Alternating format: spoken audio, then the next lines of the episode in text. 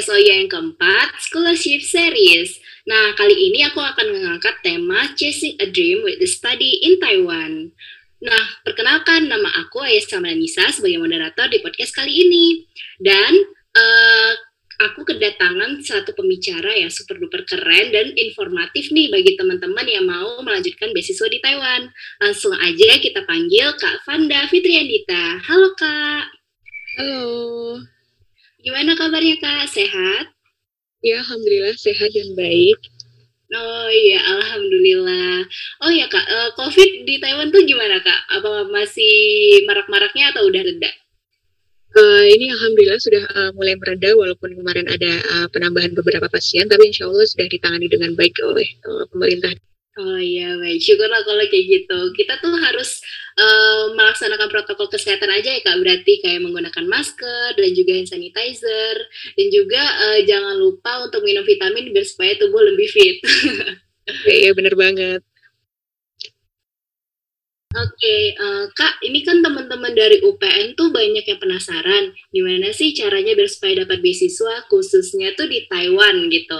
Nah, kebetulan nih ada beberapa pertanyaan yang akan aku kasihin ke kakak, dan mungkin dari kakak sendiri bisa jelasin ke aku ya. Oke, uh, yang pertama tuh aku pengen tahu sih Kak, apa sih beasiswa Taiwan itu? Uh, jadi uh, beasiswa Taiwan itu uh, terbagi menjadi uh, banyak beasiswa ya. Uh, seperti yang saya tahu, uh, ada dana dari universitas, kemudian subsidi dari pemerintah Taiwan, kemudian juga ada sumbangan dari yayasan hukum, dan kemudian juga ada uh, beasiswa dari perusahaan dan swasta gitu. Nah, untuk beasiswa saya sendiri itu adalah uh, merupakan beasiswa dari universitas. Nah, beasiswa dari universitas yang saya terima ini kemudian dibagi uh, uh, uh, sudah mengcover uh, tuition fees, kemudian credit fees dan living stipend. Nah, living stipend sendiri dibagi menjadi tiga, yaitu uh, beasiswa dari profesor, departemen, dan OIA dari uh, universitas saya. Nah, uh, kemudian semua beasiswa tersebut itu uh, belum mengcover uh, dormitory atau uh, tempat tinggal kita dan uh, asuransi kesehatan. Nah, kalau di Taiwan sendiri namanya uh, National Health uh, Insurance yang uh, di sini uh, kita wajib uh, istilahnya mengikuti uh, atau membayar asuransi tersebut. Nah, asuransi tersebut uh, biasanya dibayar setiap semester uh, satu kali atau enam bulan sekali. Nah, uh, asuransi tersebut biasanya kita bayar dengan uh, uh, beasiswa dari living stipend yang uh, dikasih uh, profesor maupun departemen ataupun uh, OIA gitu. Oh iya, berarti ada banyak ya Kak ternyata beasiswa di Taiwan ada yang dari dana pemerintah, terus ada yang dari UNIF, dari dari Kakak sendiri itu dari UNIF ya Kak berarti? Iya, betul sekali. Oke. Oh iya kak, uh, ini terus banyak teman-teman yang penasaran gimana sih persiapan dan strategi untuk melanjutkan studi di Taiwan. Kan biasanya kalau kita mau meng-apply beasiswa kan ada persiapan-persiapan yang harus kita lakuin gitu kan. Kalau dari Kak Fanda sendiri itu gimana kak? Uh, oh ya, uh, jadi persiapan dan strateginya itu mungkin uh, relatif lebih mudah dari beasiswa yang lain ya. Uh, kalau di universitas saya yaitu National Central University uh, itu uh, ada beberapa profesor dari setiap departemen yang uh, akan uh, berkunjung atau datang ke Indonesia di beberapa universitas di Indonesia setiap tahunnya seperti ITB, UGM, UNS, uh, Universitas Brawijaya dan kemudian ITS. Nah, uh, kita bisa mengikuti wawancara yang ada di situ. Nah, biasanya wawancara tersebut uh, diadakan di bulan November. Nah, sebelum sebelum melakukan wawancara, sebaiknya kita uh, sudah mencari prof, profil profesor di departemen pilihan kita yang sesuai dengan uh, minat uh, dari research kita yang akan kita lakukan nanti. Nah, profil profesor tersebut uh, kita dapat uh, temukan uh, di website uh, universitas ya. Jadi uh, jadi kita kayak harus uh, mencari uh, apa sih uh, research dari uh, topik research topik dari uh, profesor ini kayak gitu. Nah, jadi misal kita dirasa cocok uh, lebih baik uh, menghubungi uh, beliau uh, melalui email. Nah, kemudian kalau kita sudah uh, menghubungi profesor, uh, itu bisa menjadi nilai plus uh, pada saat wawancara. Uh, tapi juga jangan takut teman-teman yang belum uh, sempat menghubungi profesor tapi uh, sudah ada beberapa profesor yang datang ke Indonesia. Pokoknya uh, datang aja di daftar aja di wawancara itu dan datang aja. Nah nanti uh, misal uh, profesor yang mewawancari kita uh, satisfied dengan uh, performa kita, uh, makanya uh, si profesor tersebut akan uh, menyampaikan uh, hasil wawancara kita kepada profesor yang uh, kita tuju jika profesor yang uh, mewawancari kita itu adalah bukan uh, profesor yang uh, kita tuju. Uh, kayak gitu. Terus kemudian uh, uh, jangan takut buat teman-teman yang uh, istilahnya uh, uh, mungkin tidak mempunyai sertifikat bahasa Inggris atau mungkin uh, sertifikat bahasa Inggrisnya masih uh, di bawah standar. Jadi uh, datang aja di wawancara itu jangan takut karena uh, di Taiwan biasanya uh, sertifikat bahasa Inggris itu eh, nggak uh, terlalu penting lah cuma uh, mungkin kalau bagi teman-teman yang uh, memiliki uh, sertifikat bahasa Inggris yang uh, uh, mungkin uh, sudah memuaskan ya itu akan juga uh, menjadi nilai plus kita uh, di dalam uh, wawancara gitu. Oh iya kak, berarti emang kitanya harus uh, rajin men-searching ya tentang tujuan kita ikut beasiswa itu untuk apa gitu. Betul, Dan juga pengen uh, apa men-searching profesor-profesornya biar supaya nanti kita dapat nilai tambah seperti itu ya kak. Betul betul. Sama uh, biar profesor mana sih yang uh, cocok dengan minat kita. Jadi intinya jangan sampai nanti kita salah pilih di sini kayak gitu. Oke, siap, siap, siap. Terus Kak, eh, gimana sih cara Kakak untuk bersosialisasi dengan orang-orang di Taiwan? Seperti yang kita ketahui kan kalau misalnya orang Taiwan itu kan mother language-nya kan bukan bahasa Inggris. Nah, apakah kita diwajibkan untuk mengikuti kursus terlebih dahulu atau seperti apa Kak?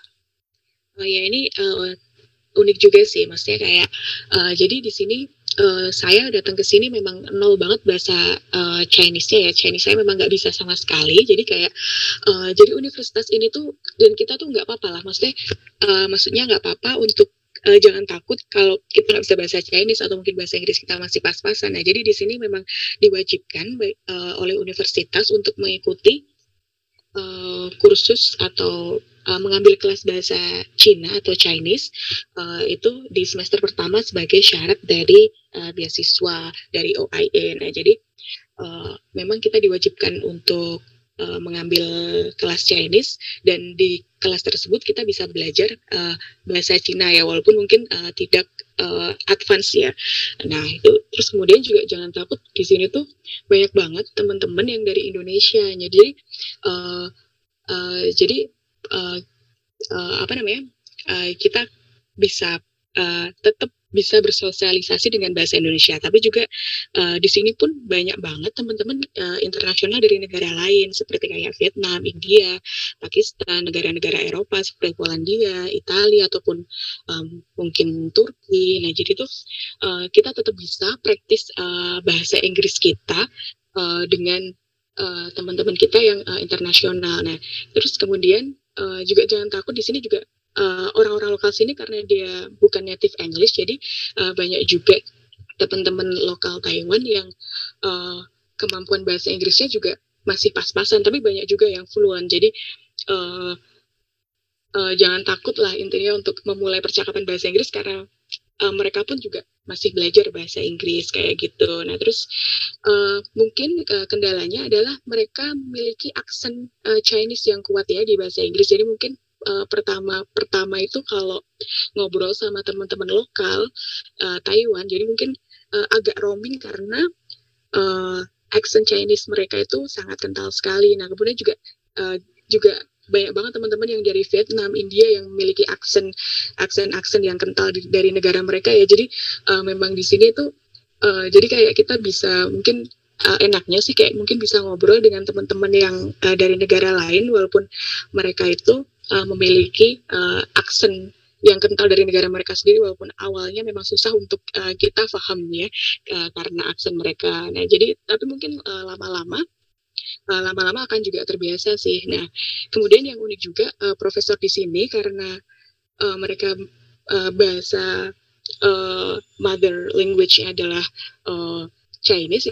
jadi mungkin mungkin banyak banget profesor yang masih uh, kental dengan logat Chinese-nya mereka. Jadi kayak mungkin awal-awal uh, pas masuk kelas itu juga masih agak roaming gitu karena uh, uh, bahasa Inggris beliau-beliau uh, ini uh, masih banyak uh, masih kental dengan uh, logat Chinese-nya cuma mungkin lama lama-lama akan uh, menjadi lebih mudah untuk memahaminya.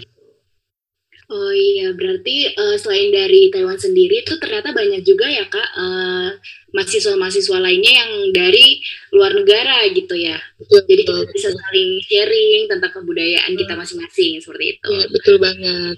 Ya, kalau dari Kak Panda sendiri, apa sih pengalaman yang paling berkesan selama kakak kuliah di Taiwan?